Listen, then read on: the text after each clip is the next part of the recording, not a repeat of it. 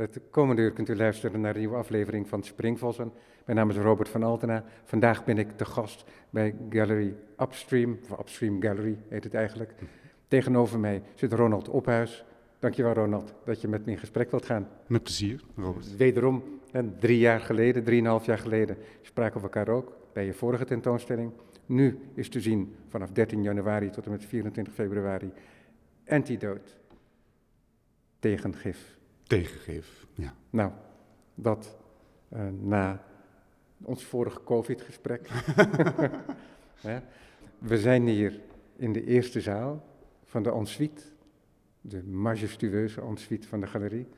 En ik zit midden in de zaal met jou aan een ovale tafel. En we worden omgeven door hele grote rechthoekige doeken ook wat kleiner werk, hier achter mij en in de zaal naast mij.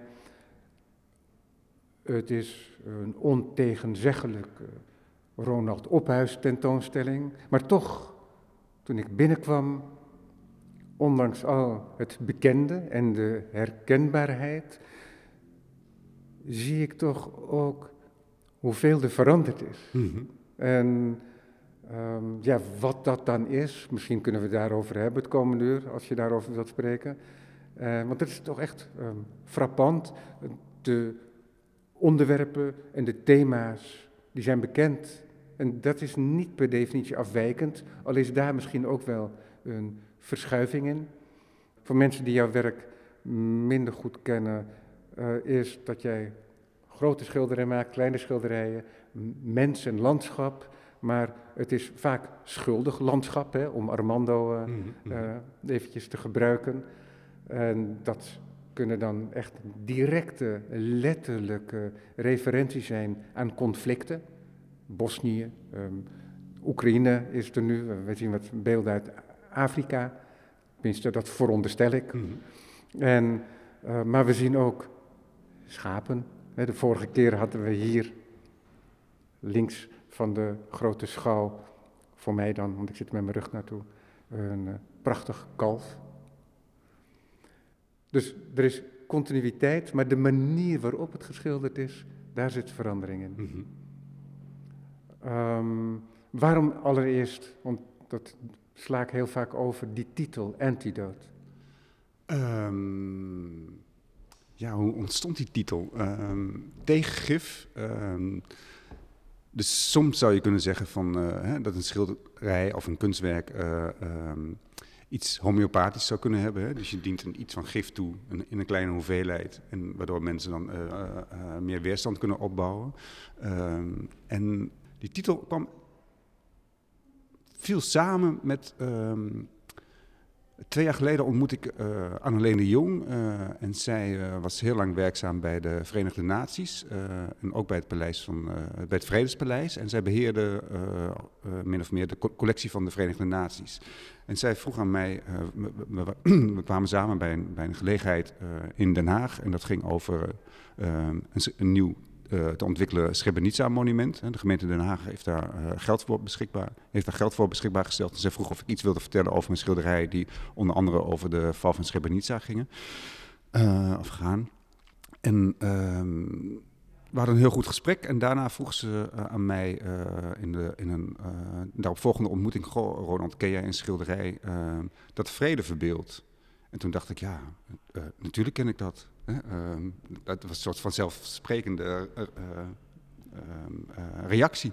En toen ging ik nadenken en toen dacht ik, ik kan eigenlijk helemaal geen, geen werk bedenken wat werkelijk de vrede verbeeldt. Er zijn natuurlijk wel werken waarin, in de vorm van een allegorie, hè, dat je een, een, naakte vrouw ziet, die dan, hè, Minerva bijvoorbeeld, die dan strijd tegen Mars. Uh, er zijn wel schilderijen uh, gemaakt zoals de Vrede van Breda van Velasquez of de Vrede van Münster door Gerard de Borg. Maar dan zie je de handeling, hè, de, het contract of de overeenkomst, de vrede wordt getekend.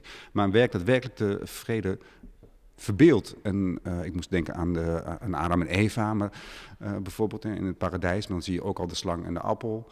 Dus het dreigement of de dreiging is dan nooit verdwenen. En ik heb het ook gevraagd aan, aan echt best wel een boel uh, van mijn collega's. Maar niemand kon iets bedenken. Hè. Ja, je hebt de transformatie van de Heilige Geest in de concrete duif bij Picasso. Ja, ja, maar dat zijn dan, uh, ja. Ehm, maar is dat een werkelijk vredes... Nou ja, het werd, het werd symbool ja, natuurlijk. precies. Ja. En er waren een aantal mensen die kwamen dan met het uh, lovebeeld van uh, Robert Indiana, hè, wat bij, bij het MoMA staat, die grote sculptuur. En toen dacht ik, ja... Hm. Maar dat is interessant, hè, want dan kom je echt op een terrein ergens, wat jouw werk ook raakt, is, daarom zei ik bij Picasso ook bewust concreet een symbool. Dat, dat is het bij jou alle twee, ergens. Mhm. Ergens gaat het ook iets symboliseren, maar zonder dat het alleen maar symbool is, want het is ook het concrete beeld en het concrete schilderij, moet ik daarbij zeggen.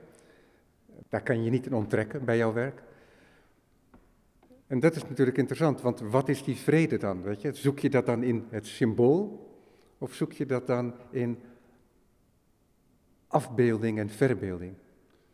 Ja, ik vond het dan interessant. Ergens is daar een onderscheid, toch? Ja, ik vond... Zeg ik tegen de man die een bijna VN-blauwe muts op heeft tegenover mij.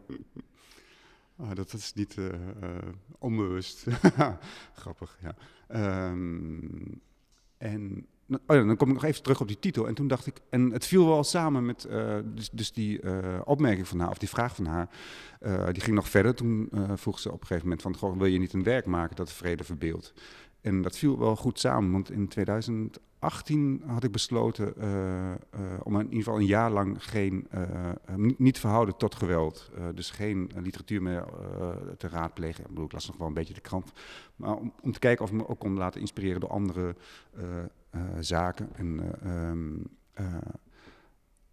dat, ik onderbreek je heel eventjes van, voor het publiek dan. En dat weet ik door ons vorige gesprek natuurlijk. Jij informeert je altijd heel goed. Je leest geschiedenisboeken. Dus je, wat we zien, dat is ook waar je gedachten in je hoofd mee gevuld worden. Ja. dus dat is in die onderwerpskeuze en de thema's, die heb je echt helemaal geabsorbeerd ook zelf. Mm ja. En um, dat zeggen de wat zachtere beelden, dat is niet dat het uh, helemaal uit het niets komt. Hè. Vroeger heb ik ook wat dat soort uh, geschilderd, maar meestal wist ik dan eigenlijk niet hoe ik ze moest afmaken. En uh, nu kreeg ik ineens de energie. en ik was ook nieuwsgierig naar um, wat voor beelden dat dan zouden kunnen opleveren. Um, en vandaar dus die titel. dus niet het gif zelf tonen, maar het, het tegengif. Hè? Dus een, laten we zeggen, een rustige, vreedzame afbeelding. Um, het geldt niet voor alle schilderijen hier, maar voor de meeste uh, vind ik dat wel redelijk geslaagd. En dan zit er toch overal nog wel een soort van dreiging in hoor. Uh, ja, zelfs als het niet in het beeld zelf zou zitten, dan is het zo dat dit deel uitmaakt van je werk, van je oeuvre.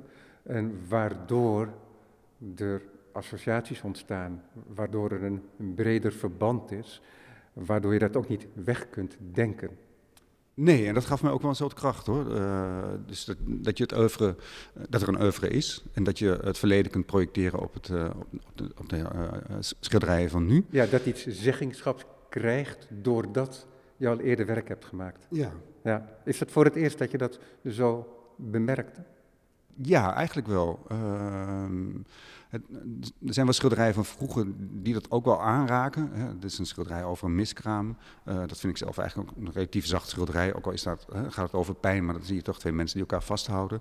Dus een schilderij uit, uit, een, uh, uit het concentratiekamp waarbij de ene man de andere man verzorgt op, uh, nou, met gevaar voor eigen leven. Want die man, die man leed aan, leed aan, die, of leed, nou, leed aan dysenterie. Een hele besmettelijke ziekte en vooral onder die omstandigheden. Um, maar nu voelde ik me ja, uh, gesterkt. En langzaam kwamen die woorden. Ik moet wel zeggen, uh, het duurde best wel een tijd voordat ik uh, aanknopingspunten in mijn geest had. om verbaal daar iets over te kunnen zeggen. het ging meer in zekere zin over het gevoel. En over welke woorden heb je dan? Ehm, nou ja, hoe je woorden als vrede toch een lading kunt geven. Hè? Ja, god, weet je, als mensen zeggen van, goh, ik wil vrede, dat is eigenlijk ook een heel leeg iets. En uh, dat was ook wel interessant wat Anneleen vertelde. Zij is bij een aantal vergaderingen geweest van de Verenigde Naties. En zij zei, er wordt eigenlijk helemaal niet over vrede gesproken. Er wordt wel over ontwapening gesproken, maar niet over wat vrede dan eigenlijk zou moeten zijn. als je, en toen dacht ik, nou, ik ga bij de filosofen kijken, wat, wat er allemaal gezegd is over vrede. En dan gaat het vooral over rechtvaardigheid. Ehm, ehm, maar dan heb je nog steeds geen beeld. Dus ik vond het ook wel een hele interessante uh, uitdaging. En vrede heeft er natuurlijk ook iets, of natuurlijk, maar het heeft ook iets dufs, hè? Uh, iets, iets truttigs bijna. Uh, ja, net als dat heel veel mensen graag Dante lezen, maar nooit bij het derde deel uitkomen. Ja. Het paradijs.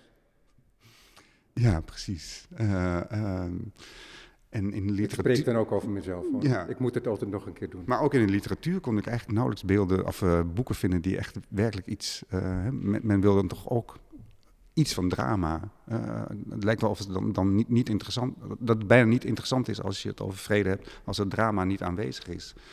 is dat dan omdat het een moment van catharsis wordt ontnomen? Dat denk ik, en, en ook van een prikkeling. Dus je moet ja, ik denk dat het ook wel iets logisch uh, is. Dat, dat je dus uh, ook iets van pijn moet voelen, wil je uh, die vrede kunnen voelen. En dus dat, het, dat je het allebei toch moet kunnen ervaren. En toen las ik een van de tekstschrijvers van Obama, die zei, dat vond ik wel een mooie uitspraak, van, peace is not an event, but peace is a process. Toen dacht ik, ah oh ja, dat, daar kan ik wel, daar kan ik wel mee, bewe mee bewegen. En dan die schilderijen. Um, um, ja, ik, ik, kan er iets over vertellen. Hoe, hoe, hoe uh, uh, dus ik dacht... Je kijkt nu naar, naar links, dus er is um, op de achterwand, hè, er is een wand voor de grote venster gezet en daar is een, uh, een drieluik te zien. Um, een drieluik, maar het wordt één beeld, want de doeken die zijn helemaal tegen elkaar aangeplaatst. En um, ja, dan zien we dus een man die een, uh, een schaap aan het scheren is. Uh, naast een composthoop. Uh, je ziet geen hekken. links en rechts van de man heb je een soort bosage. wat bomen en, en wat struiken. Het schaap is bijna helemaal ontdaan van, ehm, van zijn vacht. Die ligt nog op zijn, op zijn rug. En ja. de, de, poten spartelen wat in de, rug, in de lucht. En, um... en de man in blauw overal steekt af met zijn bovenlichaam tegen een prachtige zomerhemel. Ik zeg zomerhemel omdat het zo'n mooie lichtblauwe lucht is met van die vegerige wolken die een beetje duiden op thermiek. Mm -hmm, precies. En uh, het heeft bijna, bijna, van een afstand heeft het bijna iets van Manet, vond ik zelf eigenlijk wel. Dat hele, dat... Zeker, en ik moest ook aan Cézanne denken, om de, en, de, en de baders, omdat je die twee bossages die zorgen dan voor een opening. Bij Giorgione kom je dat een aantal keer tegen ook. Dat het middendeel, in de Tempesta natuurlijk, maar ook in zo'n filosofenschilderij van hem, en je hebt een landschapje van hem, waarbij dat middendeel helemaal wordt opengelaten en alsof dat bijna het onderwerp wordt. Mhm. Het is een heel belangrijk deel. Het is daar niet alleen maar als uh, contrast van, het donkere, van de donkere posthoop, de donkere, bijna in silhouet geschilderde man en het donkere groen van de bossage. Hè, waar tegen al dat donkerte steekt dat schaap, dat wordt ontdaan van zijn vlies, steekt daar heel scherp van af, mm -hmm. natuurlijk. Dus je hebt het schaap en je hebt die mooie zomerse thermische lucht. Ja, dus het heeft iets van Manet, maar het heeft ook iets van Caravaggio, vond ik zelf. Uh, ook omdat je niet, uh, je, je, ziet de tondeuze niet waarmee de man uh, ja. het schaap aan het scheren is. En je ziet de kwetsbaarheid van het schaap, en je ziet het geslacht, of de uier zie je een beetje, die naaktheid van het lichaam. Ehm, het roze is ook, die, die paar toetsen roze die erin zijn, die laten natuurlijk ook de kwetsbare huid zien. Ja, en het is ook bijna alsof het beest wordt geofferd. Ja. Um, het heeft mij, het thema, we zijn verhuisd naar een, uh, naar, naar, naar, een klein boerderijtje net buiten Amsterdam. En dit is een van onze schapen. En de eerste keer dat de schaapschidder kwam, uh, ben ik meteen foto's gaan maken. Dus het heeft me drie jaar gekost om de juiste, want ik wilde hem niet te veel sturen in de, in de houdingen die ik nodig had. Dus ik heb drie, drie jaar lang heb ik hem gefotografeerd terwijl hij bezig was om het schaap te scheren. En uiteindelijk kwam dit beeld naar voren, wat het eigenlijk het beste was. Want ik vond het wel heel mooi als het, als het schaap zo kwetsbaar naakt. Ja, dat is ook heel typisch, omdat die man die staat gebogen, één hand naar beneden, die houdt dat vacht vast. zijn rechterhand die zie je niet, daar zit waarschijnlijk dan de tondeuze in, hè, maar dat, dat, daar zien we helemaal niets van. En de linkerknie, die dwingt het dier nog een beetje terug op de plek, zodat hij niet op kan springen, lijkt. Nee, precies, precies. Ja. Uh, ja, het schaap vindt het niet heel fijn. Tenminste, die wil, die wil het liefst op vier poten staan. Dus die, uh, ze spattelen wel tegen. Uh, dat gaat in, in, in, in fases. En soms leggen ze zich neer en dan laten ze het, het scheren toe. Ja, dus, en, en, soms is er verzet. De strijd. Ja. ja. En ehm, ja, goed, en wat vrede, hoe ik het dan. Dus, ik, uh, dus wat je in het begin zei, de schilderijen zijn zachter geschilderd dan, uh, dan de schilderijen van, uh, van, van hiervoor, ja. vind ik zelf. Ja. De toets is iets zachter. dat vond ik eigenlijk ook meer passen bij het idee van vrede. Ik kan iets vertellen, vertellen, over welke dingen ik dan weggelaten heb. Dus, eerst had ik dan ook een hek eromheen geschilderd. En die schapen staan natuurlijk achter een hek. Maar toen dacht ik, oh, dat is ook niet mooi. dat, dan geeft het ook iets beklemmends qua bewegingsruimte. Dus die, dat moet ook weg.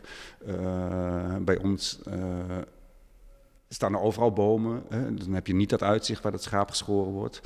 Um, ik dacht, het is ook mooi om dan uh, die blauwe lucht in te zetten. Dus als, om, om het geheel uh, veel meer ruimte te geven. Um, en toen dacht ik, nou ja, maar wie is die schaap?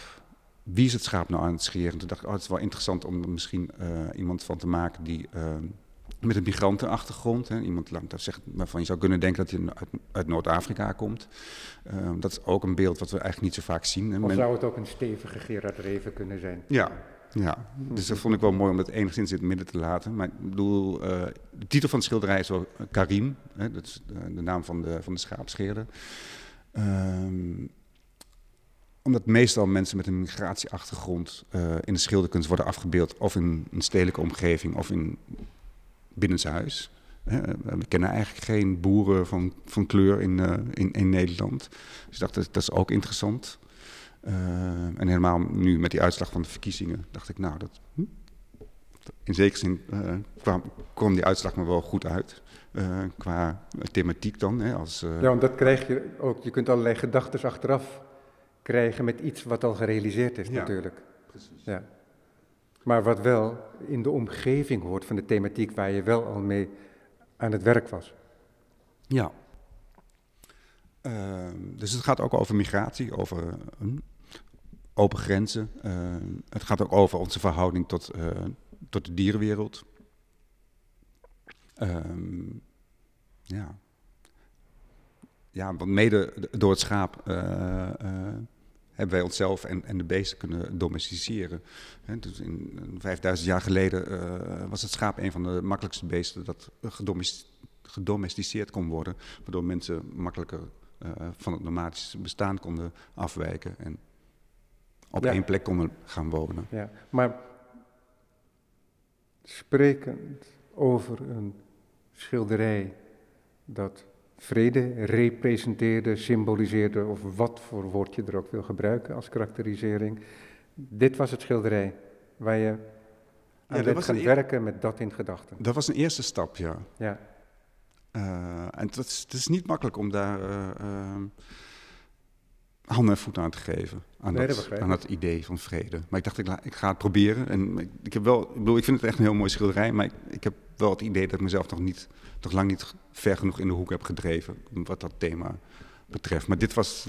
Ja, waar dat is wel interessant. Het waar ik mee kwam. vraag van buiten, die krijgt vervolg in je gedachten over je werk dus. Ja. Nog altijd. Ja. ja. Dat is een mooie doorwerking. Ja, en toen ben ik uh, tegelijkertijd ben ik, uh, uh, Levinas gaan lezen. Of tenminste geprobeerd om dat enigszins tot mezelf te laten doordringen. Maar dat is natuurlijk ja, daar moet je even inkomen. Je moet bekend worden met de terminologie en de perspectieven. Ja, ja. ja ik, heb ook niet echt een filosofische achtergrond. Ik bedoel, ik lees wel filosofie, maar... Het is ook niet zo makkelijk. En het is natuurlijk ook iemand die getraumatiseerd is. Ik bedoel, hè, hij kan het wel hebben over de ander, maar hij heeft het eigenlijk nooit over zijn eigen trauma.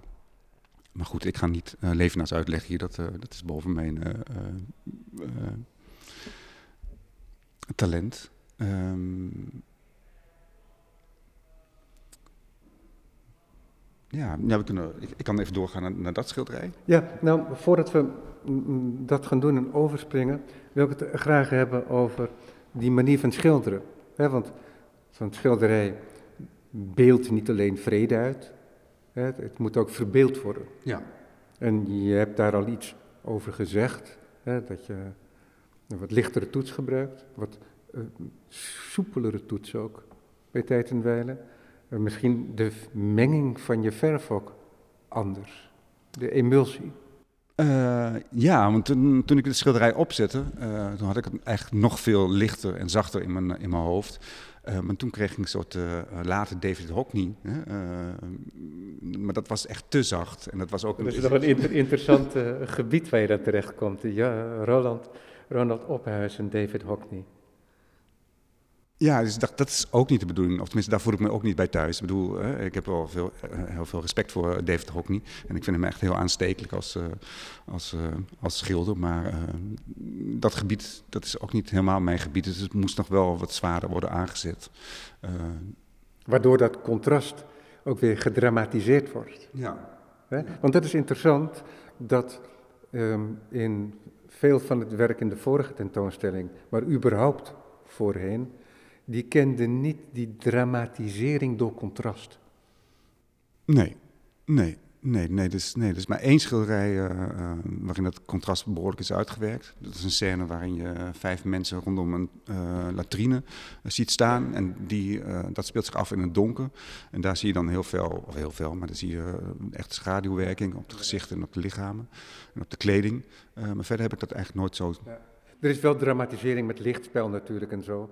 Uh, dat was eigenlijk al zo met het kalf, wat ik al eerder noemde. En hier eigenlijk ook over jouw linkerschouder.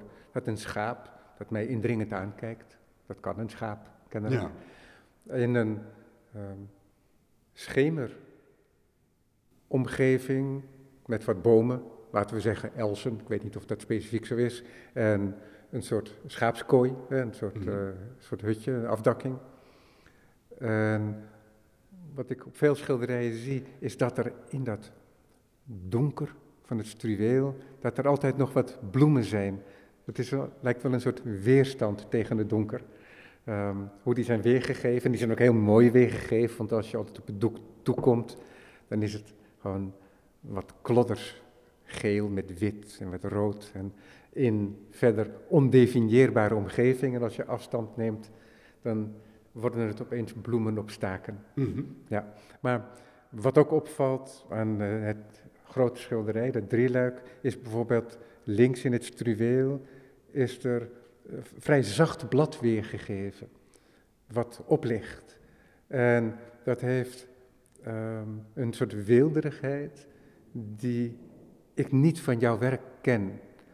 Want het groen in jouw schilderijen dat is opgezet met een vrij rulle verf, maar het gaat verder dan rul nog, want het, het lijkt bijna alsof er um, vezels in zitten, mm-hmm. hè, in, je, in, je, in, je, verf, waardoor um, de verf um, niet gulgolvend, zoals bij uh, Munch wel het geval kan zijn, hè, dat het zo stroomt als uh, marsepein, Um, maar bij jou is het vreveliger, stekeliger, dat oppervlak. Waardoor um, dat, die staande wand van het, van het schilderij um, ook heel gemakkelijk gedacht kan worden als vertrapte aarde soms. He, dus daar, daar zit heel veel weerstand in en dat is heel duidelijk hier ook zichtbaar natuurlijk in die composthoop.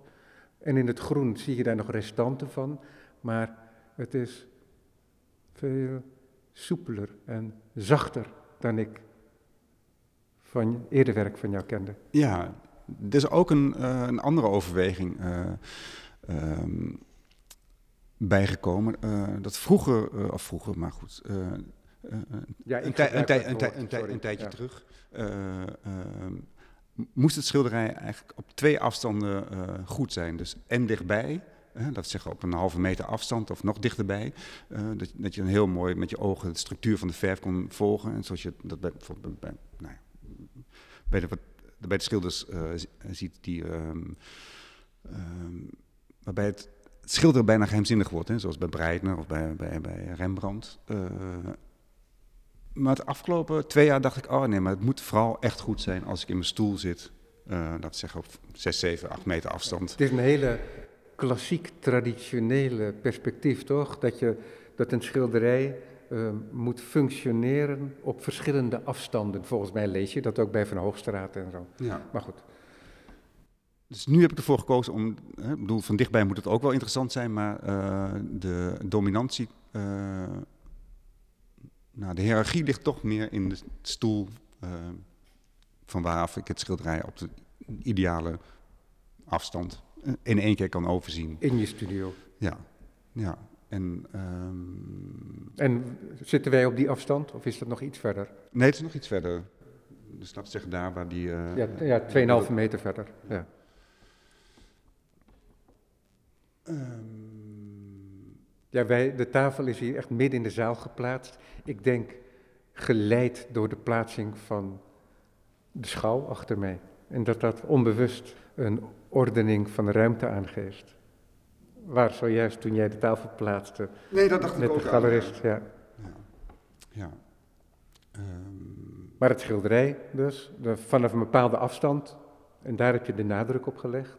Nou, omdat het me ook heel veel tijd kostte. Uh, dan was ik, uh, was ik driftig aan het schilderen uh, vlakbij het schilderij. En dacht ik, oh, of tenminste, ja, als je aan het schilderen bent, dan zit je natuurlijk altijd dicht bij het schilderij. maar ik verloor ook best veel tijd. dan dacht ik, oh, het is heel goed als ik dichtbij het schilderij beoordeelde. Maar als ik dan in de stoel ging zitten, dacht ik, ah, nee, dat werkt toch niet. En dan om die balans te vinden, dat kostte mij ook heel veel tijd. Maar dat is interessant, want dat is iets waar je wel gewoon mee bent. Want je bent gewoon om ook grote schilderijen te maken. Je maakt ook kleine werk. Dus het is wel een tweede natuur geworden om iets zo te schilderen. Dat je het ziet op een meter of acht. Terwijl jij het altijd maakt uh, in, onder handbereik, onder armbereik. Ja, maar dat is natuurlijk ook wel dat is, dat is interessant. Ook. Ja, dat je iets schilderen wat je niet kan zien op dat moment ja, dat, is, dat is een heel wonderlijk iets, hè? Hoe, je, hoe, hoe je geest dan werkt. Ja. Want nou ja, kijk, iemand zei wel eens tegen me, hoe kan jij zo naar die film kijken? Want dan hing ik zo met mijn hoofd zo naar rechts. Maar het is niet zo dat ik dan een uh, gekke vertekende horizon had, want mijn hoofd schakelde dat gewoon gelijk. Dus kennelijk is ons hoofd daartoe in staat om dat soort aanpassingen uh, te verrichten, maar het komt niet zomaar. Het is iets wat je gewonnen hebt in je praktijk. Ja, ja. Maar het wonderlijk is dan dat je eigenlijk schildert als je in de stoel zit, terwijl je eigenlijk niet aan het schilderen bent. Uh, ik, nu we het er zo over hebben, uh, denk ik dat het bij schrijvers hetzelfde, hetzelfde is. Hè? Ik bedoel, ze zijn bezig met een zin of met een alinea, maar uiteindelijk hebben ze wel het hele boek of de hele roman min of meer in hun hoofd. Ik bedoel, uh,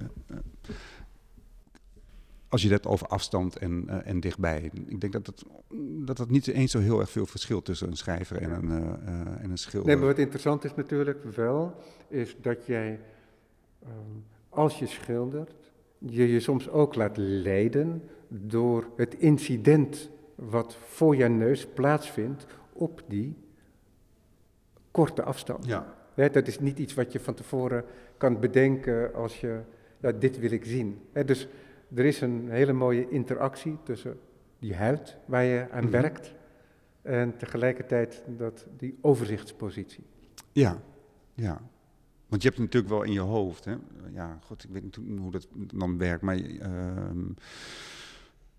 die beslissingen neem je in je stoel, maar het is ook niet dat je bij elke streek heen en weer rent. Hè? Doe je wel ook een tijdje door, door blijven werken. En dan uh, dat je er toch vertrouwen in hebt dat het uh, op een afstand ook goed gaat werken.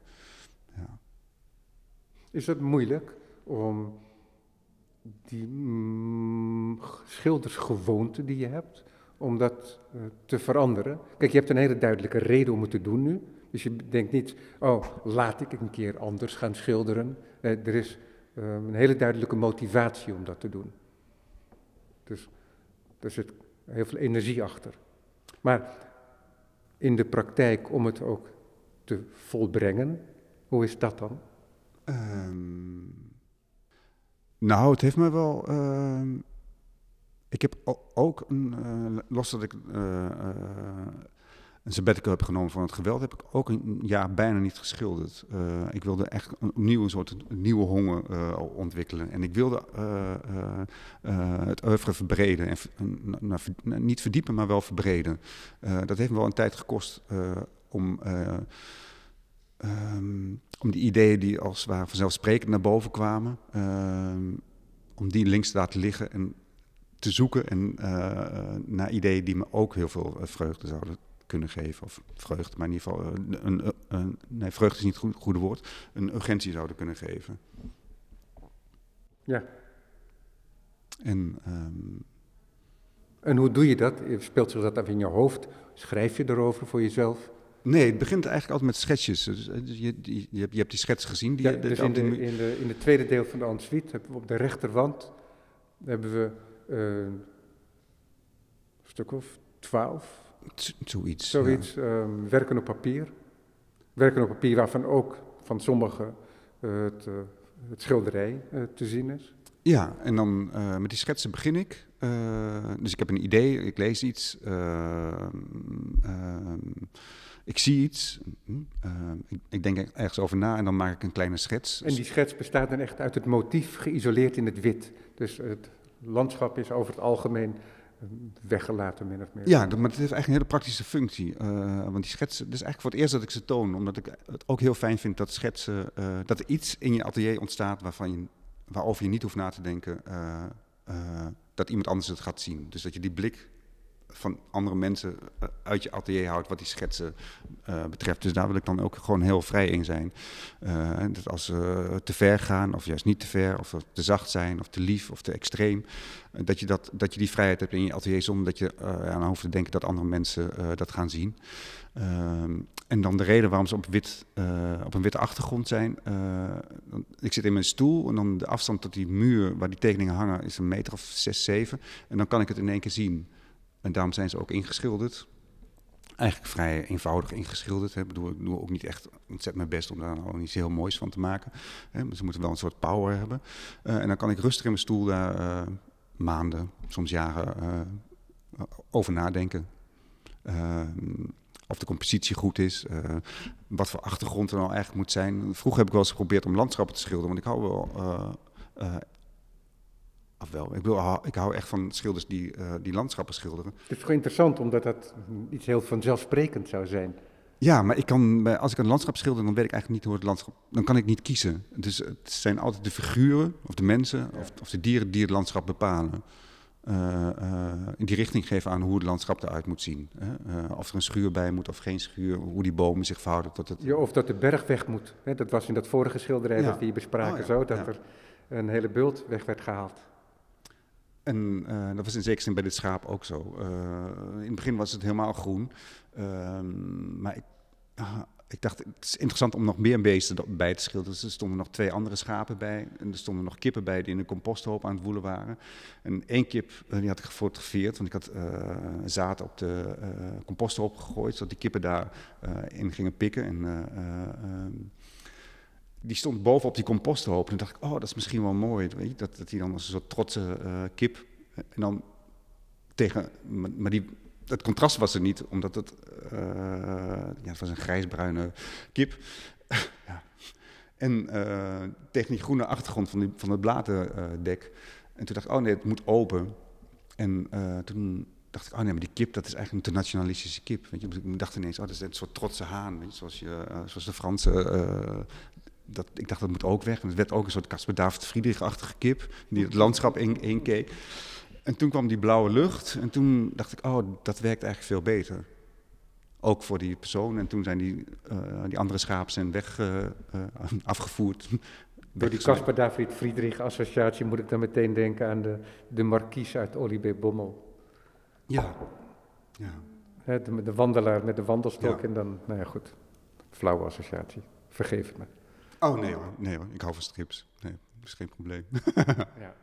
Ja. ja, fascinerend is dat verschil. Over dit schilderij hier over je rechterschouder. We zien moeder met kind, stel ik me voor. Um, zwarte moeder, zwart kind. Moeder heeft een felgeel hemd aan. de dochter, een roze, zacht roze hemd en een, ziet nog een blauwe broekband. En die steken af tegen een landschap. Mhm. Eh, maar er zit ook er zit hele gekke elementen in. Um, rechts in het beeld hebben we een hut. Het is een horizontaal schilderij, vrij lang, hè, dus geen compact horizontaal schilderij. We zien iets wat lijkt op een stroom. Um, die lijkt bijna zelfs gekanaliseerd. Dus we hebben vrij onverbiddelijke rechte lijnen. Uh, er is misschien zelfs sprake van een confluentie van twee stromen, omdat links de horizon van de, van de stroom de oever, de overliggende oever, tegenoverliggende oever, hoger ligt dan rechts in het beeld. En dat moment is gescheiden door een witgekalkte paal. En die witgekalkte paal die steekt alleen maar door een kleine contourlijn af tegen de stroom. En die stroom die is niet mimetisch uitgevoerd. dat is... Ah, dat is wel interessant. Dit is een muur. Oké, het is een muur. Nee, maar ik lees het als muur, maar je kunt het ook als rivier lezen. Ja. En dus dat is een hele gekke ambivalentie. Oh ja, ja, nee, vooral links. Ja, nee. Nee, nee, ik bedoel, ik, niet, nu nee, nee, maar daarom, dus, dus mijn verwarring deel ik nu met je. Daarom benoem ik het als eerste als stroom, om vervolgens dan uit te komen, maar jij ehm, deed het al voor me, om uit te komen bij het feit mhm. dat het gewoon een muur is. En, want mijn verwildering bijna tegenover het beeld is, wat, wat gebeurt hier nou in dat werk van Ronald, dat hij een stroom uitbeeldt, maar die stroom die is helemaal concreet fysiek weergegeven. En die is tot stilstand gekomen als het ware, als een massa. En vervolgens dacht ik, toen ging ik wat verder afstaan, toen dacht ik, oh het is gewoon een muur. Maar die ambivalentie, die verdween niet meer uit mijn hoofd. Nee, vooral aan die bovenkant. Dat, daar, ja. ja. nee, oh, dat is interessant. Nee, dat, zo had ik het nooit. Uh, maar, maar, ik snap wel meteen uh, dat, je zo, dat je het zo kunt lezen. Ja. ja. Wat voor scène is dit? Uh, dit is een scène in begin van deze eeuw in Rwanda. de zogenaamde genocide-rechtszaken.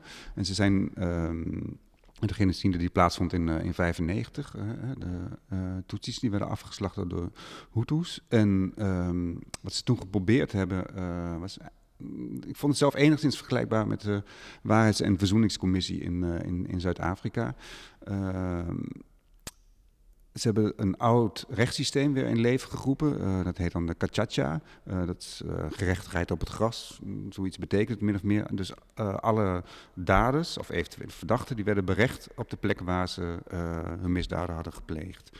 Um, en dan de verdachten die konden kiezen mm, bij aanvang van het proces of ze bekenden uh, en dan kreeg ze een beduidend lagere straf. Dus stel dat je uh, iets bekende, dan kreeg je een, uh, een, een, een, moord. Dan kreeg je tien jaar gevangenisstraf. Maar ontkende je of zweeg je en werd je alsnog schuldig bevonden, dan kreeg je 25 jaar. Die, die jaartallen kloppen niet helemaal, maar het, ligt in die range.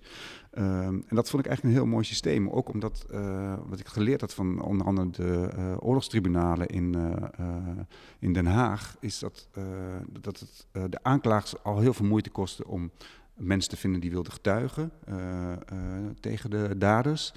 En dan waren ze uh, heel vaak opnieuw extreem getraumatiseerd, omdat die daders hun schulden niet bekenden. Maar dan zeiden ze, oh ja, maar het was een opdracht van, weet je, bedoel, het was geen persoonlijk motief. Of ze, of ze, en meestal zeiden ze eigenlijk helemaal niks. En dat werkt heel traumatiserend voor, uh, voor slachtoffers, dat de dader niet iets. Uh, vandaar dat ook het spreekrecht voor slachtoffers in onze rechtbank een, een, vorm heeft gekregen. En um, dus wat je ziet is een vrouw die net heeft, uh, een getuigenis heeft afgelegd en eigenlijk door haar verdriet uh, door haar knieën is gezakt. En ze wordt ondersteund door, nou ja, of het haar moeder is of een, of een vriendin. Of een, uh, ja, maar het is interessant omdat ja. ze lager in beeld is, dan las ik het al als kind, maar dan, ja, dat is mooi hoe dat ja. ja. ook dat tot voor verwarring kan zorgen. En, ja, ik vond het eigenlijk een hele bijzondere manier van, uh, van rechtspraak. Hè? Omdat, je, uh, omdat, het, uh, omdat buren elkaar vermoorden. je moet toch de samenleving opnieuw vormgeven. En je moet toch door met elkaar. Ehm, en je kunt niet een samenleving bouwen op een, ja, zeg een gezonde samenleving of een samenleving met mededogen. als je alleen maar blijft refereren aan het trauma. Ja. ja. Het is interessant omdat dit beeld is door die witte muur en die, uh, die lucht die wit-blauw doorzweemd is. Um, staat in hoog contrast met de mm huidskleur van, uh, van de vrouwen. Dus er zit heel veel licht in. Ja. Letterlijk. Dus dat lijkt bijna, weet je, je moet het me maar vergeven, maar dat lijkt bijna een soort hoop ook uh, uit te spreken. Hoewel die muur misschien ook en die paal ook een executieplek zou kunnen zijn, waardoor er weer zo'n hele gekke ambivalentie is, waardoor je door beslopen wordt bijna als je naar het schilderij kijkt. Mm ja, want ik vond het wel interessant om uh, niet alleen de natuur weer te geven, maar ook uh, de cultuur. Dus in die zin de, de architectuur van ja. zo'n hutje. Dus dat je samenleeft met elkaar, dat die samenleving ook begrensd is. En in die zin van uh, um, dat mensen met elkaar door moeten. Het is niet zo dat alle Hutus naar, een, naar het ene gedeelte van Rwanda zijn gegaan en de Tutsis naar, naar het andere gedeelte. Nee, die samenleving is nog steeds, nou ja, hm? Vermengd. Ja, die, de samenleving is nog steeds samenleving. Ja, precies. letterlijk. Ja, en dat onderscheid is ook niet zo heel strikt te maken tussen Hutus en Tutsis. Maar, uh... ja. En, uh... Maar dit is dus, laten we zeggen, een van de klassieke onderwerpen van Ronald Ophuis. Dat klopt, want de schilderij ben ik begonnen, uh, ik denk zo'n twintig jaar geleden. En ik heb er heel lang over gedaan. En toen heb ik het een tijd weggezet. In 2014 ben ik weer opnieuw serieus begonnen. En in 2018 heb ik het uiteindelijk afgemaakt. En wat maakt dan dat dit schilderij zo lang heeft verpoost in die tussenfase, in een soort limbo in je studio? Um, omdat ik in aanvang nog veel meer wilde vertellen. Dus uh, in aanvang stond er ook nog een, uh, de verdachte stond er nog op. Uh, er stond nog een andere vrouw op die, die heel dramatisch aan het kijken was. dus ik wilde echt meer, meer vertellen. En het, wat ik toen uiteindelijk gedaan is, ik heb nog een ander schilderij gemaakt... waarin je die verdachte alleen ziet zitten op een bankje. Dan zie je vier verdachten. het zou echt mooi zijn geweest als die bij elkaar waren gebleven, maar dat, ja, dat, ging, dat, ging, nou ja, dat ging niet. Het levert een hele mooie spanning op, vind ik, omdat nu er iets zich afspeelt in de ruimte waar de kijker staat. Ja. En dus ik kijk niet naar een scène die ik misschien uh, invulling kan geven middels een titel die het werk heeft. Wat heeft het voor titel? Uh, het heeft eigenlijk een heel eenvoudig type. Het heet Kachacha. Ja, uh, oké. Okay, dus, nou goed. Maar door dat weglaten van de daders, mm, ja, maak ik deel uit van de ruimte van het schilderij.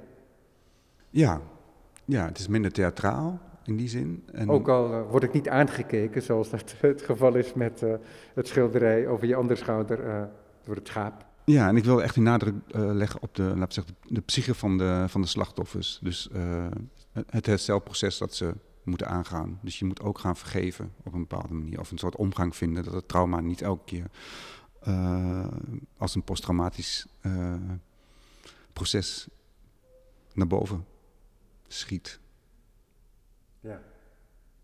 Wat natuurlijk ongelooflijk moeilijk is als je, nou ja, dat kunnen we ons allemaal voorstellen. Ja. Kijk, Maar daarom vond ik het wel passen in deze tentoonstelling. Want, ik was eerst helemaal niet van plan om het uh, tentoon te stellen in deze tentoonstelling. Maar ik dacht, oh, maar bijna al deze werken gaan op een of andere manier toch over herstel en dat tegengif en wat, wat, doen. Hè? Uh, uh, ja. Het is in die zin ook een, een vorm van vrede zoeken in dat schilderij.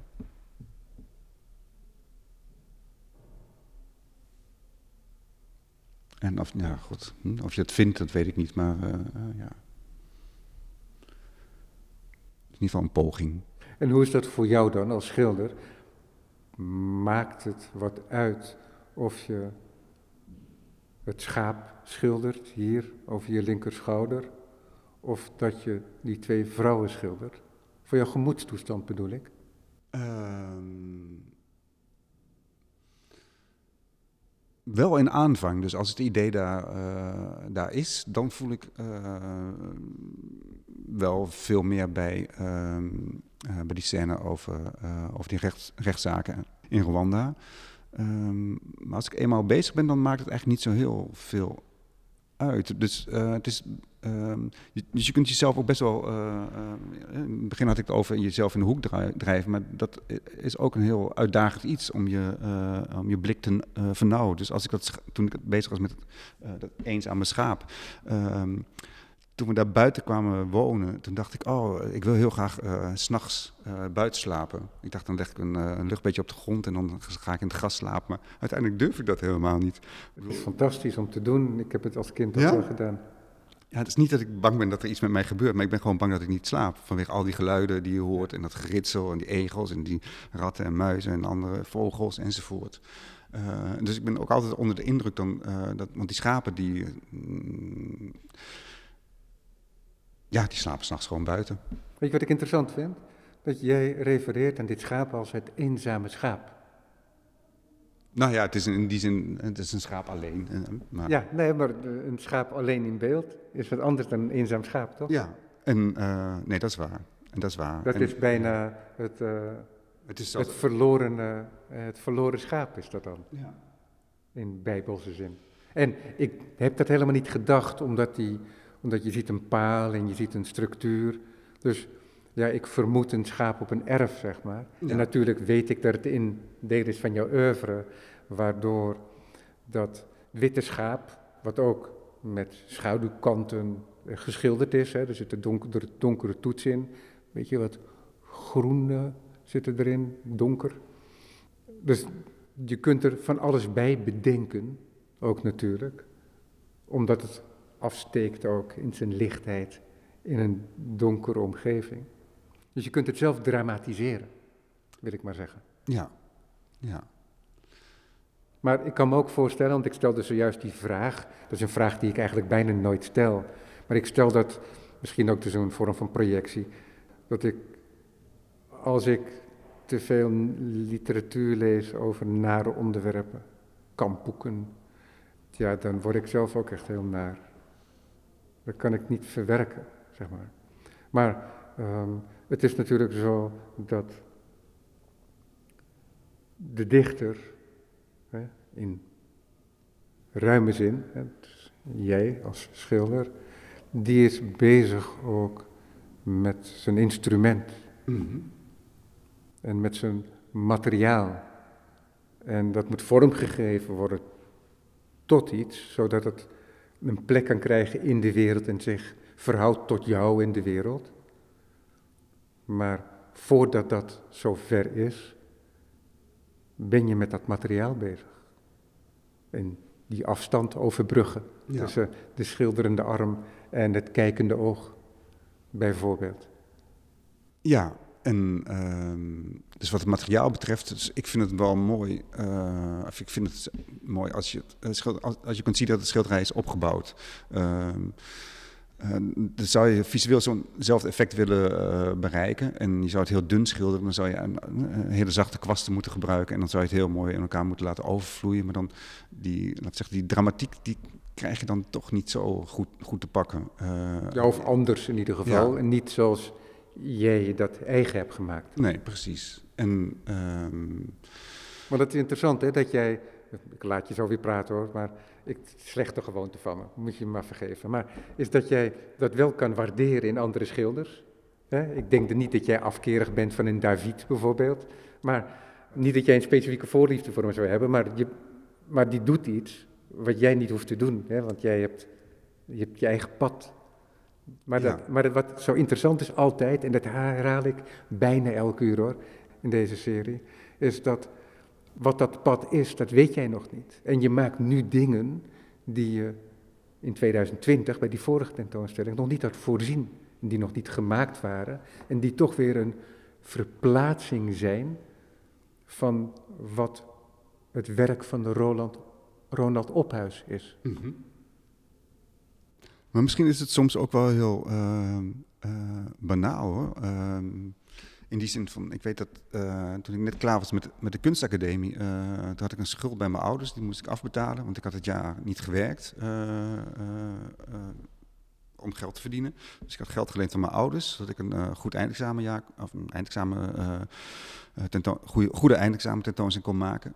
Dus heb ik drie maanden in een, een, bouwmarkt gewerkt bij de Praxis in, in Amsterdam-West. En mijn eerste functie was uh, spiegelen. Dus dan was beneden onder de grond. Uh, dan moet je alle uh, verfblikken zo neerzetten dat je het etiket goed kunt zien en, enzovoort. En daar werd ik echt helemaal gek van. Zei ik, dit, dit kan ik gewoon niet. Weet je, bedoel, ik word gewoon, de minuten kropen zo langzaam voort. Toen zei ik, wil iets doen wat grover is. en toen ben ik uiteindelijk bij het laden en lossen gaan werken en, en bij de zaagmachine. En dat vond ik echt heel leuk om te doen. En toen dacht ik, oh, uh, toen later dacht ik, oh ja, maar dit is ook een beetje zoals ik het schilder. Ik vind het eigenlijk fijn om in een soort flow uh, alles gewoon snel op te zetten.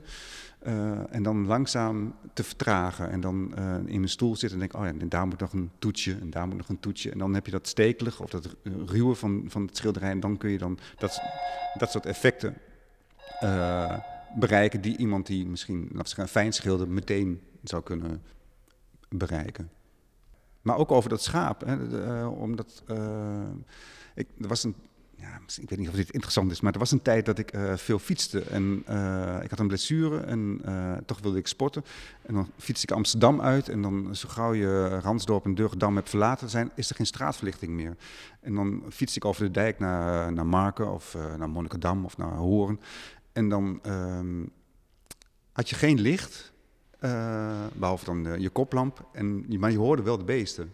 Dus je hoorde de koeien loeien, de schapen uh, blaren enzovoort. Dat vond ik ook wel heel geheimzinnig. Dus misschien is dat ook wel een reden geweest om dat schaap in het donker neer te zetten.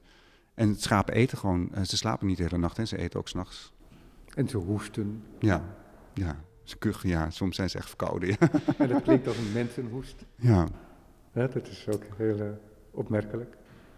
En waarom het één schaap is, dat vond ik ook wel uh, interessant, omdat uh, dat mag eigenlijk niet. Hè? Ik bedoel, schapen moeten in ieder geval met twee of drie zijn. Um, ik bedoel, niet dat dat wettelijk is geregeld, maar ik bedoel... Uh, het is een kuddedier. Ja, een beest heeft behoefte aan gezelschap. Ja, ja. maar het zorgt ook, zo'n schaap alleen, voor een bepaalde spanning natuurlijk. Ja. In dat beeld, een spanning die deel waar ik deel aan heb als ik naar het schilderij kijk. Ja. ja. En het is best moeilijk om je te verhouden tot een, tot een dier. Hè? Uh, een hond of een kat of zo die, die, die naar jou toe komt. Maar dit beest komt alleen naar je toe als je eten bij je hebt. En, uh, dus toch voel je wel een soort liefde voor het beest. Maar het, uh... Ja, nou, ik was, moet eerlijk zeggen, ik ben enorm geraakt door jouw dieren. Dat was de vorige keer ook zo, door dat kalf. Heel hoopvol, maar tegelijkertijd was er ook die dreiging hè, mhm, dat het mhm. het slachtdier was, het slachtoffer. In bijbelse zin uh, bedoel ik dat dan. Ja. Hè, dus um, dat spel, dat speel je natuurlijk en dat is inderdaad omdat het geïntegreerd is in jouw werk. Ja. Ga je voort nog op dit pad? Laatste vraag. Um, Dat weet ik nog niet. Uh, de, de, volgende plannen die, uh, die gaan.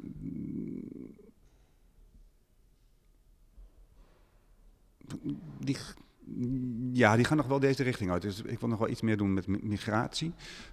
Dus het nee, ik weet niet of dat, dat schilderij er komt, maar vorig jaar liep ik rondom de kerst op het Waterlandplein in Amsterdam-Noord. En daar zag ik een gelukkige familie uit nou, laten we zeggen, uit Syrië. Toen dacht ik, oh, dat is ook een soort gezinshereniging. Ik bedoel, niet dat ik het zou kunnen dat ze hier op, met z'n drieën tegelijkertijd zijn gekomen. En daar ben ik wel uh, beelden over aan het ontwikkelen. Ja, los van het schuldig landschap. Ja, ja, ja ik dacht dat is misschien wel mooi om te kijken. Hè. Het is wel een keer interessant om een supermarkt te schilderen of zo'n zo'n shoppingmall. En, en te kijken of, of ik iets met auto's kan überhaupt. Om, om het uh, niet alleen maar wat archaïsche uh, ja. af te beelden. Ja. Ronald Ophuis, dankjewel. Met plezier. Plezier. Tijd vliegt. Ja. Antidote, de tentoonstelling van Ronald Ophuis bij Upstream Gallery, is nog te zien tot en met 24 februari. Dank voor het luisteren.